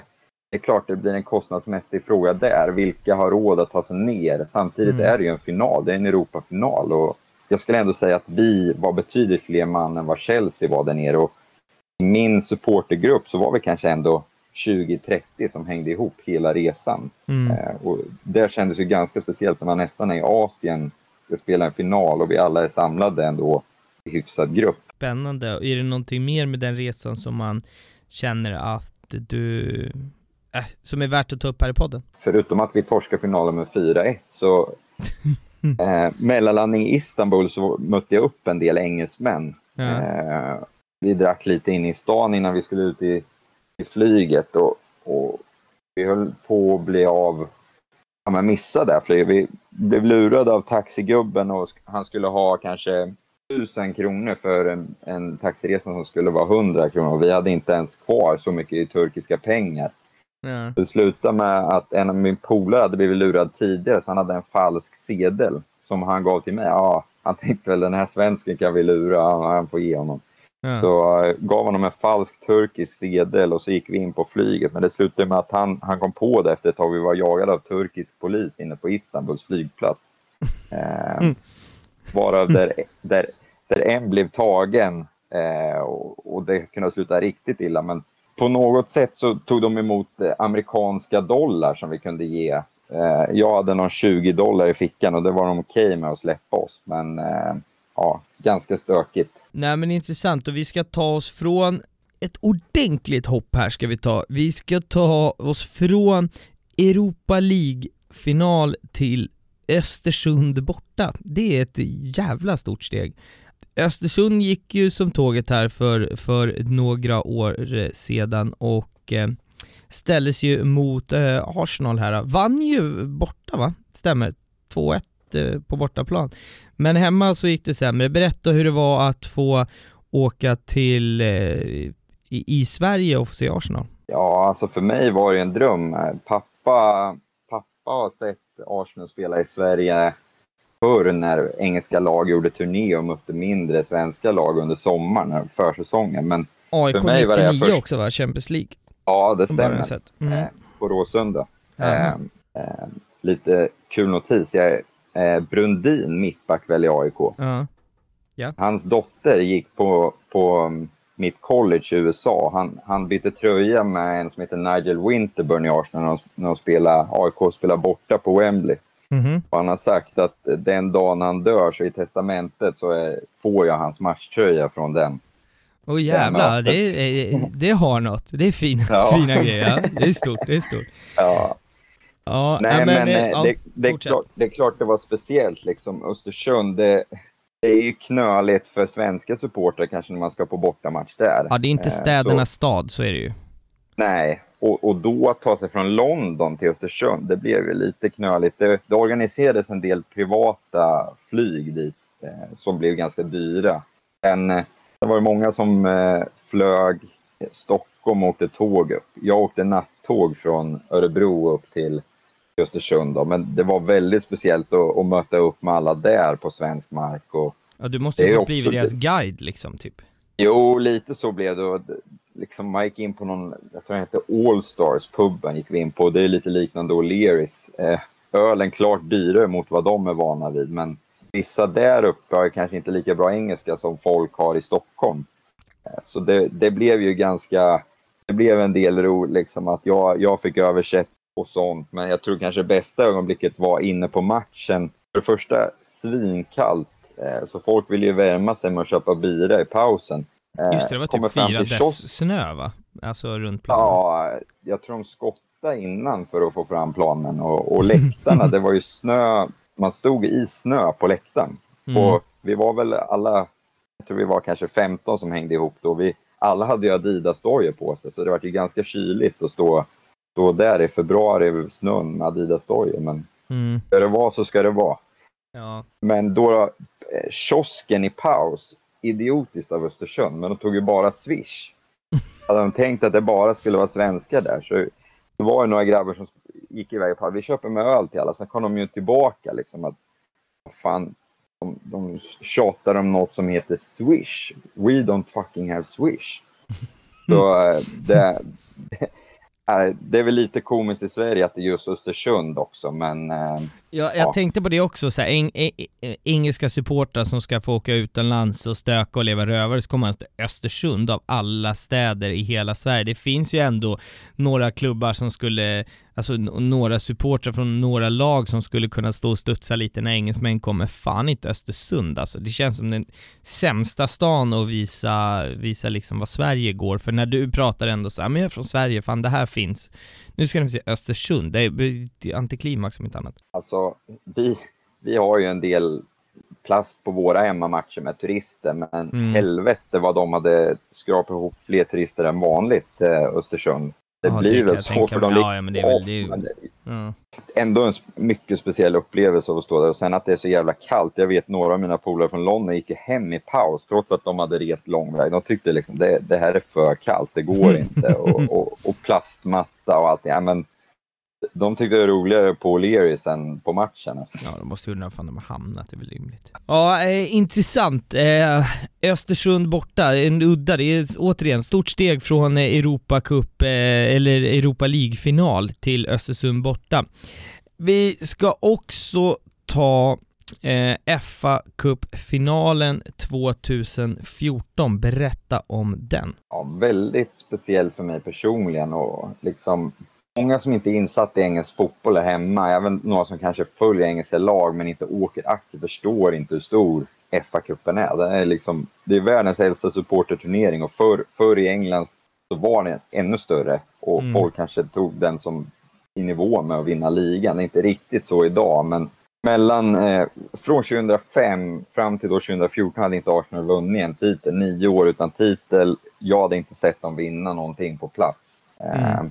Eh, vid det här laget hade inte jag och pappa säsongskort så vi fick båda köpa biljetter på svarta marknaden vilket blev jävligt dyrt och speciellt för mig som ja, inte hade tagit studenten än. Liksom. Ja, det kan men, jag tänka mig. Ja, men för mig var liksom, jag, det finns inte att jag, att jag ska missa det här. Det, vi mötte Hall, det var liksom upplagt för att vi ska vinna. Mm. Sen hade man ju ja, slanta upp som fan och vi ligger under med 2-0 efter 10 minuter. Fan. Ja, eh, sen så blir det 2-2, matchen går till förlängning. Fortfarande 2-2 efter första halvleken och sen gör Aaron Ramsey 3-2 framför vår läktare på Wembley då. Mm. Eh, och jag hade en liten personlig grej som jag sa. Ja, jag har alltid umgåtts med många som spelar fotboll och är seriösa med det, men jag har alltid sagt att jag ska inte dricka alkohol förrän Arsenal vinner sin första titel som jag ser. Mm. Och eh, det blev då, då. Jag var ju 19 liksom, så det är ganska sent. Eh, men många visste ju om det av de jag gick aktivt med på matcher, så jag behövde ju inte betala för någon alkohol på kvällen efteråt kan man säga. Ja, ah, du hade din första fylla då alltså, är det så? Ja, exakt. Och, så det var ju liksom, och farsan var ju med och, och polare, så det, det blev ju väldigt speciellt. Första tiden på nio år och, och dricka för första gången. Och sen skulle jag även ta studenten några veckor senare, så otroligt speciellt på ett personligt plan. Sen att vi hade gått nio år utan att vinna något det, och vinna det på det sättet blev ju ja, fantastiskt. Det, är, det målfirandet som är ett fullsatt Wembley, mål mot vår sida, väldigt bra biljett, bara tionde raden precis bakom målet. Mm. Det kommer ju bära med mig in i graven när vi, när vi gör det här målet. Liksom. Vi kan eh, se till så här också, vi ser till att få upp lite rörligt på det här på eh, Akta Fans Podcast på Instagram och Twitter så, så um, har vi det där också så får eh, även de som lyssnar få lite visuellt på det hela. Men ja, eh, ja intressant med eh, en eh, första, första titel och få, få uppleva en fa Cup-final. Vi ska nu studsa vidare från away days och in på någonting som det känns dumt att eh, ha detta samtal och inte diskutera det. Eh, någonting som har varit aktuellt är ju Super League, eller Superligan eller sådär. Eh, berätta för de som in... Oh, jag vet inte om det är någon som har missat, men berätta för den som inte... Om det är någon som har missat, berätta vad det är för någonting och eh, vad som hände i supporterled när det här eh, kom ut bland er eh, aktiva supportrar. Så det har ju varit en snackis under några år, lite lam så, men sen kom det lite som från en blixt av klar himmel att Arsenal var en av, av klubbarna, jag tror, nästan glöm, jag tror det var 12 stycken som skulle ingå i den här superligan. Sex stycken från England, det är eh, ett antal från Italien och eh, tre från Spanien om jag inte mm. minns det fel. Eh, och alla ingår i en stängd liga där ingen kan åka ur. Det handlar bara om att vinna, ingen kan komma in heller. Eh, och det skulle alltså ersätta Champions League, Europa League och ligasystemet Premier League gick ut och sa att de blir utslutna från det också. Så helt plötsligt stod man med att vi ska spela i en liga som har noll historia. Det handlar bara om pengar. Folk har köpt in sig i det här. Mm. Både från ett spelarperspektiv och supporterperspektiv är idiotiskt. Eh, det, det, är noll historia, inget du vill vinna och ingen Nej. som har vunnit det förut. Nej. Så det som, det som hände var ju liksom att eh, ja, stora protester, det börjar på sociala medier snacket, liksom Twitter, vad är det som händer? Mm. Eh, sen nästa match som spelas, det är ingen publik på, på läktarna, men alla de klubbar som har supportrar, eller som har, som har lag som skulle ingå i den här ligan, supportrar samlas utanför arenorna inför kommande matcher och, och protesterar. Eh, mm. Olika storlek. Jag skulle säga att att Arsenal var väl störst först till eh, Uniteds protest som var där de tog sig till och med in på arenan och in på planen. Kastade upp eh, bengaler på ägarnas, eh, ja. mot ägarens loge och grejer, det var riktigt rörigt. Ja, men det var ju, Chelsea var väl bland första som hade protesterna, men våran var ju klart störst i London. Tottenham var ju pinsamt, det var typ 20 personer där, men Arsenal var ett antal tusen som ändå samlades och, och det gav ju avtryck liksom. Mm. Och det är väl vackert på ett sätt hur det slutar med att alla klubbar drar sig ur för att det blir sånt oerhört tryck från supporters håll bland annat. Eh, och det visar ju inte bara för, för England utan hela supportervärlden hur stor styrka det finns i supporterled. Ja, utan supportrarna, det, det är det som är fotbollen, det är min bestämda ja. åsikt.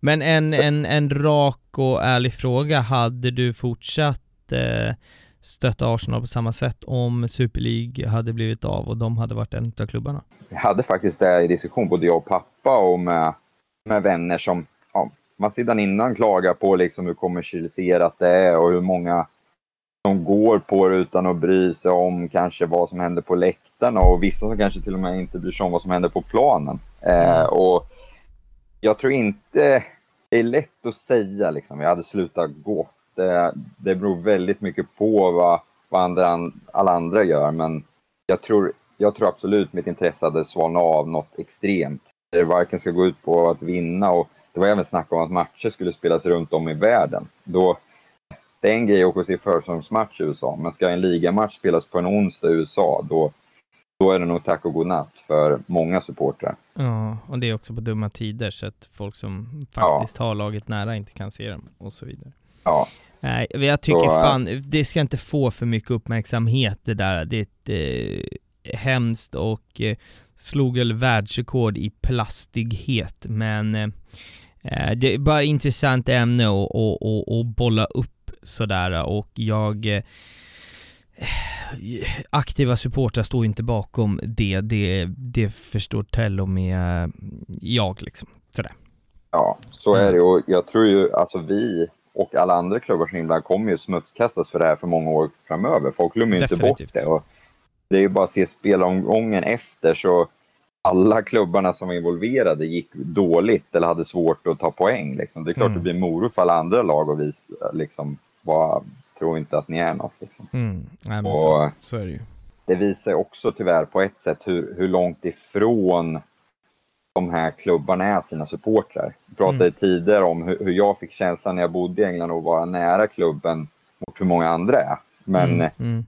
det visar ju på nytt av hur stort gapet är mellan supportrar och, och klubben faktiskt. Så, så är det. Vi lämnar Super League här och eh, kräks lite i, i munnen på det helt enkelt. Eh, vi har några profiler som, eh, som poppar upp när man tänker på Arsenal som jag tänker att vi ska nämna lite grann här. Först och främst så jag bara slänger iväg en vild gissning att Fredrik Ljungberg var husgud för både dig och din far när du var liten va? Ja, så är det ju. Han kanske inte var den bästa spelaren, men han är ju en anledning till att Arsenal blev så mycket större i Sverige och det var så mycket enklare att följa Arsenal. Eh, Mm. Och liksom, jag gick till skolan med rödsprayad tuppkam, precis som Ljungberg liksom och eh, hela familjen. Ljungberg var ju störst för oss i svenska landslaget för han var Arsenal och, och, och sen att han nu många år senare var tränare för Arsenal. För, för mig var det jättestort att han, jag fick gå på en av de fyra matcher tror jag det blev som han var eh, tillfällig tränare. Och för Mm, mig var det mm. jättestort att få vara på en av dem. Eh, Mm. Nej, eh, viktig del i min, mitt supporterliv och varför Arsenal blev så pass stort tror jag. Mm. Ja, det tog många år. Jag, jag å andra sidan har alltid, eh, med, med all respekt, jag fattar att det är din största, jag har alltid tyckt att han har varit en primadonna och en alltså rikstönt. Fjolla, det är min bild av Fredrik Ljungberg sådär. Även när han spelar i landslag, jag har aldrig tyckt om honom så. Men jag har aldrig heller fattat hur jävla bra och hur stor han var förrän långt senare. När jag insåg att så här, han är verkligen en utav de största i Arsenal-led, eller hur? Alltså det, Ja, vi pratar att han, vilka har, vilka har vi som är den största? Thierry Henry är där, Bergkamp kan vara där va? Ja. Ja, Eh, och sen har du ju liksom, du har Tony Adams, du, om du pratar om folk som det snackas om, sen har ju olika spelare sina favoriter. Du, jo men, men sen han- finns det ju han- lite äldre, men i en no, alltså någorlunda modern tid Alltså så, är det ju, då är det ju de här gubbarna, och det fattade Ja. inte jag, och hur bra han, han, alltså, han trots allt har varit, det förstod jag när jag blev lite äldre. Jag tror att det där var bara Ja, ingen favorit, så är det ju fo- fo- fortsatt, men... Eh, han, är, han var ju en del av det, det laget som gick obesegrat 2004 och det är liksom, exakt. det blir de största legenderna någonsin. Och Ljungberg är ju en sån, man fortfarande, hans sång sjungs fortfarande på pubbar och så före matcher. Mm. Eh, jag, jag nämnde ju det lite kort när jag skrev till det, när vi pratade Leeds där, att det, det var ofta så om vi åkte på bortamatcher i England då så, så hamnade ju jag på ett annat tåg mot vad de som skulle tillbaka till London skulle, för jag skulle tillbaka till Leeds. Mm. Och då vet jag det var, vi spelade mot Stoke borta. Tågen skulle avgå samtidigt, men jag skulle åt andra hållet och alla skulle till London på andra. Så jag stod ensam på motsatt perrong mot vad en smockad Arsenal-perrong är på andra sidan. Så det tåget Mm. ska till London. Och då var det ju en skara av mina polare som, som såg mig liksom. Och då var det någon så här, ja, som på svenska, ge oss en sång. Mm. Och då, då säger jag att det är 500 man inne på perrongen. Mm. Och då drog jag igång Erik Ljungbergs sång liksom, och alla hänger på. Det, det, det var ganska bra tryck och ett, ett minne så. Mm. Många vet ju liksom att jag var svensk och då få koppla ihop det här med Fredrik Ljungberg på det sättet är, är ganska mäktigt. Sen har vi eh, en annan spelare som vi behöver eh, nämna, Sol Campbell. Vad har du att säga där? Ja, det är ju för de som inte är insatta så Arsenals största rival Tottenham har varit sedan många år tillbaka. Arsenal flyttade ju från sydöstra London till norra eh, Mm. 1913 och, och Tottenham har legat i det området. Dock det området de ligger i tillhörde inte London officiellt vid den här tidpunkten. Så de, de tycker de var före oss men de tillhörde inte ens London som stad så vi, vi diskuterade det med den Vi kommer komma in på to- Tottenham också, ska Exakt. tilläggas, och prata lite, det är också svårt att missa i ett sånt här avsnitt. Ja men fortsätt. Men Sol Campbell går alltså, hans, han är lagkapten sitt, sina sista, utom det sista året i Tottenham i alla fall och, och han har utgående kontrakt. Eh, får frågan i intervju, kommer du stanna i Tottenham? Och han säger ja. Eh, säsongen tar slut och sen mitt, mitt under sommaren så kallar eh, Wenger in till en presskonferens där ingen har koll på vem, vad det är för spel som ska presenteras. Det är någon som tror att det är en asiat eller någon på lån som ska in. Mm. Och Wenger kliver in med Sol Campbell. Och det är kanske den största och mest snackade flytt som har gjort i engelsk fotbollshistoria. Eh, en landslagsman som går till största rivalen och du är lagkapten. Eh, det, det är liksom, jag, jag har inte full koll på om det finns i svenska sammanhang samma sak som har gjorts. Det finns det säkert. Men det, det liksom växte ett så stort... Eh, hatet mellan Arsenal och Tottenham ligger en hel del i det där på senare år. Mm. Och eh, han går ju sen och, och, och, vinner ligan med Arsenal på White Hart Lane eh, 2004. Och bara det liksom förstår man hur, från deras sida, hur mycket kan inte han går inte sida? ut och dricker, han går inte ner på puben i, i, i deras sida av eh, London. Så, så är det ju. Nej. Nej, och jag vet att Erik Niva nämnde det i en podd liksom att eh, det är hans värsta dag som Tottenham-supporter när han presenteras som Arsenal-spelare och Sol Campbell inte kunna leva samma liv efter det i London. Att han kan inte röra sig fritt ute på gatorna. Han, han vet det hatet som finns mot honom. Mm. Och är frågan om han hade fått gå tillbaka, hade han gjort samma sak? Kanske för alla de framgångar han fick, men för sitt liv som människa, det vet jag inte. Intressant övergång och ehm, ja, han blev ju stor hos er och det blir väl extra roligt när man får, alltså på ett sätt när man får ta någon från ärkerivalen och, och sen blir det så bra utfall utav det. Då blir det ju som att slå rivalen på näsan på, på ett helt annat sätt, vilket är, det har ju något definitivt sådär. Sen eh, ska vi prata om en, en tredje och sista eh, personlighet. Jag tänkte om vi skulle bolla Thierry Henry här lite grann, men nej, vi, vi, vi struntar faktiskt i den, utan vi ska prata om Arsène Wenger. Hur länge var han tränare i Arsenal? Var det 300 år? Ja, 96 till 2018, det blir ju ungefär 290 år kanske. Mm, ja men någonstans där. Otrolig eh, profil, ser ut att vara den bittraste gubben på hela planeten. Eh, eh, eh, måste ju vara den tråkigaste middag man kan ha i hela sitt liv och käka med honom, så ser bara hans ansiktsuttryck ut. Men eh, otroligt stor, han tar er till alla de här framgångarna. Eh, men det man, jag vet inte hur det är för er. För mig, det enda jag tänker på nu med honom är inte på framgångarna, utan jag tänker mer på hur, den otroliga jävla diskussion och, om han liksom Wenger out som blev en, en stor grej under en lång tid. Sådär, vad, vad är din relation till honom liksom? Hur, hur känner du inför honom? Här idag kan man ju sitta och liksom bara glädjas över, över de eh, framgångar han tog oss till. Men under de sista tio åren så var det inte bra. Eh, det är inte alls i närheten av de framgångar han tog oss till under första tio åren. Nej. Och jag skulle vilja säga att jag aktivt gick efter hans avgång hans sista fem år, så från 2013 ungefär. Mm. Och jag tyckte att det hade varit ett perfekt avslut för han när vi vann FA-cupen 2014 att ta ett steg åt sidan för det hade blivit ett bra avslut. Mm.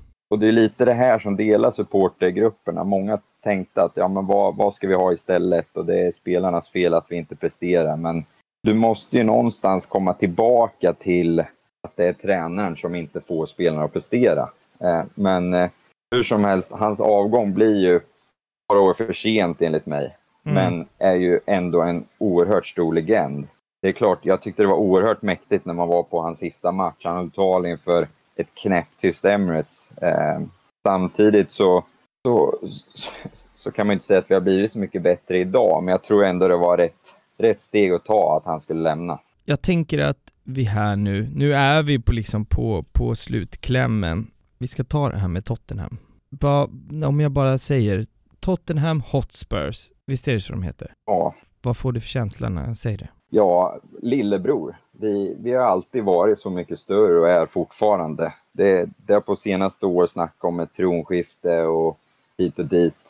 De har inte vunnit ligan sedan 1961. De har inte vunnit någonting på 12 år. Eh, Mm. Sen i supportersammanhang så är det ju det är helt olika matchdagar när vi har hemmamatch, när de har hemmamatch. Mm. Eh, det, det, är fler turister som dras till våra matcher, så är det. Och vi, vi har alltid varit ett bättre lag. Det är mer attraherande att se Arsenal. Men den rivalitet som finns bland de här aktiva supporterna, den, den ser man inte på TV. Det är många som inte vet om vad som händer. Men på senaste år har vi mötts i ligacupen två gånger och då får båda supporterleden betydligt större andel på arenan. Vanligtvis ligamatcher får du 3000 medan du i ligacupen får upp mot 9000 platser för bortasupportrar. Mm. Och det blir därav klart svårare för polisen att kontrollera. Det blir klart stökigare på gatorna. Det är så stora områden när båda lagen är London liksom att de som vill slåss, det är inte så svårt att göra upp någonstans där polisen inte kan ha kontroll. Uh, och den, den rivaliteten finns verkligen, men den syns kanske inte på samma sätt. Och jag tror det är så överlag med många derbyn i England att du ser inte på TV för det kanske inte är den publiken som som rör sig tillsammans inne på läktarna som rör sig på gatorna utanför. Nej. Um, Nej men, men, det, det är, väl... Det, för, ja, det är ju för oss alltid den match som är, som är viktigast att vinna varje säsong och det är alltid den matchen jag tittar först efter när spelschemat släpps. Men det, det är väl fan en slut, eh, en liten så här slutsummering eller egentligen av det vi har pratat om att det det engelska supporterkulturen, den finns i folks hjärtan på gator och på torg, men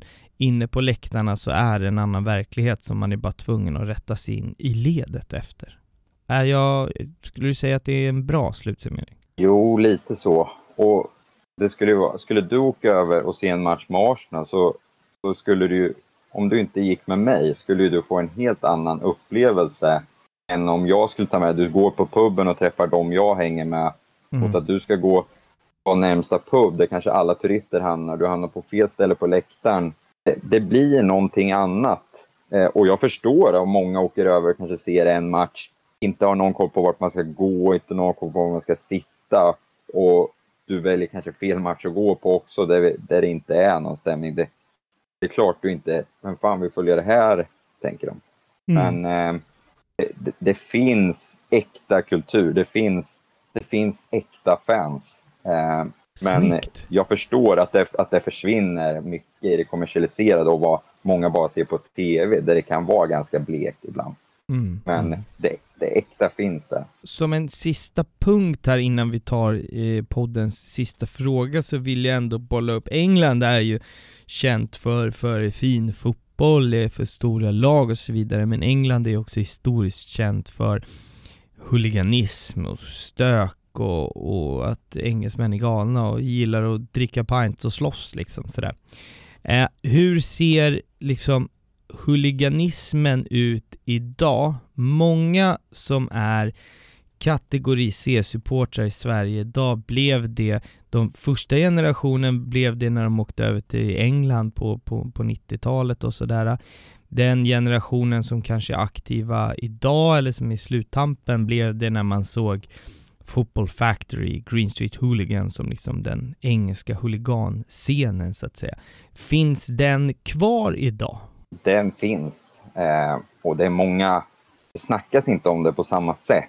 För speciellt i Arsenal-led är det mycket, de som vet, de vet. Man snackar inte riktigt om det för det är så pass organiserat med just de här kategori C-supporterna. Mm. Eh, och, och det är mycket, man ser det inte på öppna gatan. Det är väldigt uppstyrt. Eh, och det, det kommer mycket av att det är mycket det här, polisens hårda reglement. Bestraffningarna i England är så mycket hårdare än i Sverige.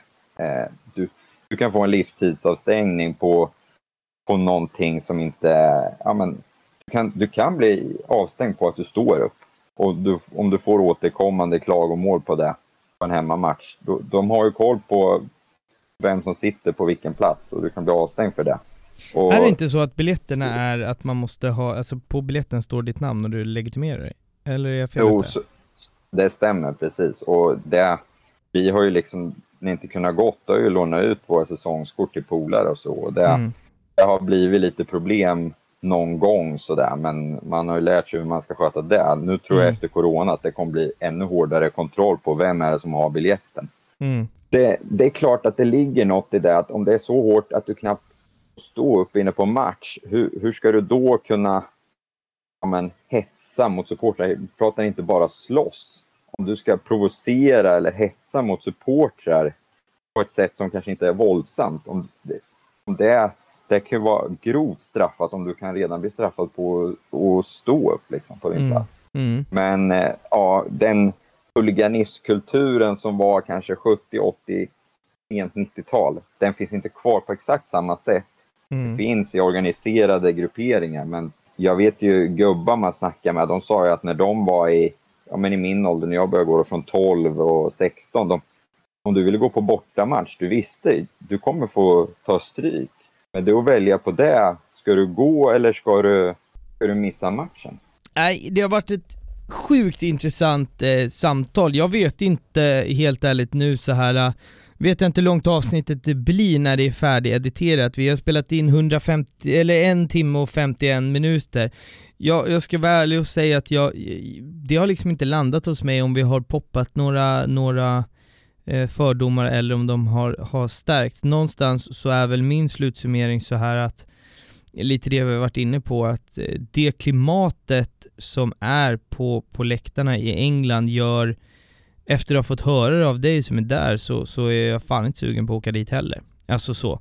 Eh, kul att åka dit kanske och dricka öl och umgås, men fotbollen, det, det, det lockar inte för mig, för det är en annan, en annan supportkultur som, ja, så det, det, det passar inte mig. Men det har varit sjukt intressant att få prata med dig för att eh, min slutsummering är, är att jag anser i alla fall, sen vem fan är jag var domare i det, men jag anser att det du gör är jävligt äkta och eh, mm, om jag nu får utnämna mig själv till en domare så tycker jag att det många gör med, med sitt supporterskap för engelska lag inte är äkta överhuvudtaget.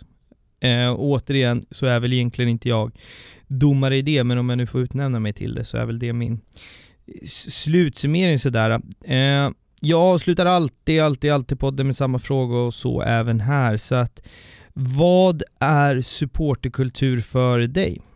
ja, återkommande engagemang. Som jag sa, för mig är det största i mitt supporterliv att vara där, vara så mycket involverad med klubben som möjligt, att gå på så många matcher som möjligt. Mm, Som jag sa, jag, jag är i en annan värld eh, när jag diskuterar med supportrar som tycker det är viktigt att kunna allt, att de tycker det är häftigt att se varje match på TV. Eh, Mm. det, det är en annan värld för mig. Eh, sen, sen som du säger, det kanske inte är något för alla att följa engelska lag, att det inte är där på läktarna man attraheras av. För mig har det alltid varit att den inre kärnan jag hänger med har varit jävligt äkta. Och, mm, och där, där kan inte jag ta in vem som helst eh, av mina svenska supporter som kanske går på sin första match. För jag har någonstans där fått förtjäna min plats och det är något som driver mig i alla fall, att vara en del av det äkta, både hemma och borta, när det kanske finns väldigt mycket plast runt omkring. och det respekterar jag dig till det yttersta för. Har du innan vi tackar för, för dagen och, och, och veckan sådär, har du något sista du vill eh, tillägga? Nej, det är väl... Vi har snackat ner en hel del av den engelska supporterkulturen här och kanske en del av Arsenal. I synnerhet supporterkultur hemmamatcher. Är det folk som ska till England så varmt välkomna att höra av sig. Ska göra det bästa att få uppleva bästa som möjligt i supporterkultur och någonting äkta. Mm. Oavsett om det är hemma eller bortamatch. Ja, det har du väldigt rätt i. Jag, jag, eh, jag tror vi har pratat ner det, det, det kommer jag nog kanske märka när jag editerar det. Eh, jag hade en liten föraning om att det skulle bli så här med, med mina egna personliga värderingar som jag brukar vara väldigt duktig på att, tycker jag själv i alla fall, att lägga utanför avsnitten. Jag visste att jag skulle ha svårast, hittills i alla fall, att lägga personliga värderingar utanför.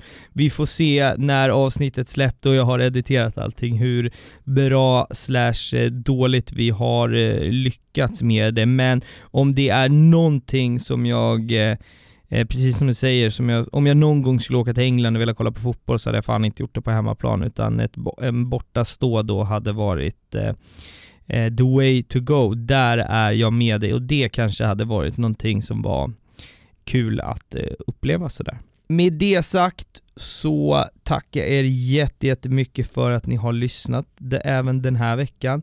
Eh, Akta Fans Podcast på Instagram och Twitter, patreon.com slash aktafanspodcast också. Eh, glöm inte att det, det är uppehåll i fantasyn också, gå in och eh, ändra era lag och sen efter uppehållet så gasar vi på. Det finns ju eh, priser i potten även där. Och så hörs vi igen nästa måndag.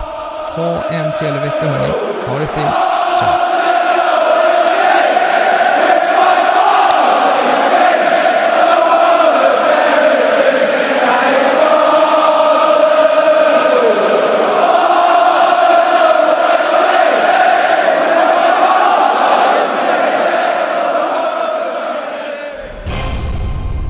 Samarbete med Esen Studio.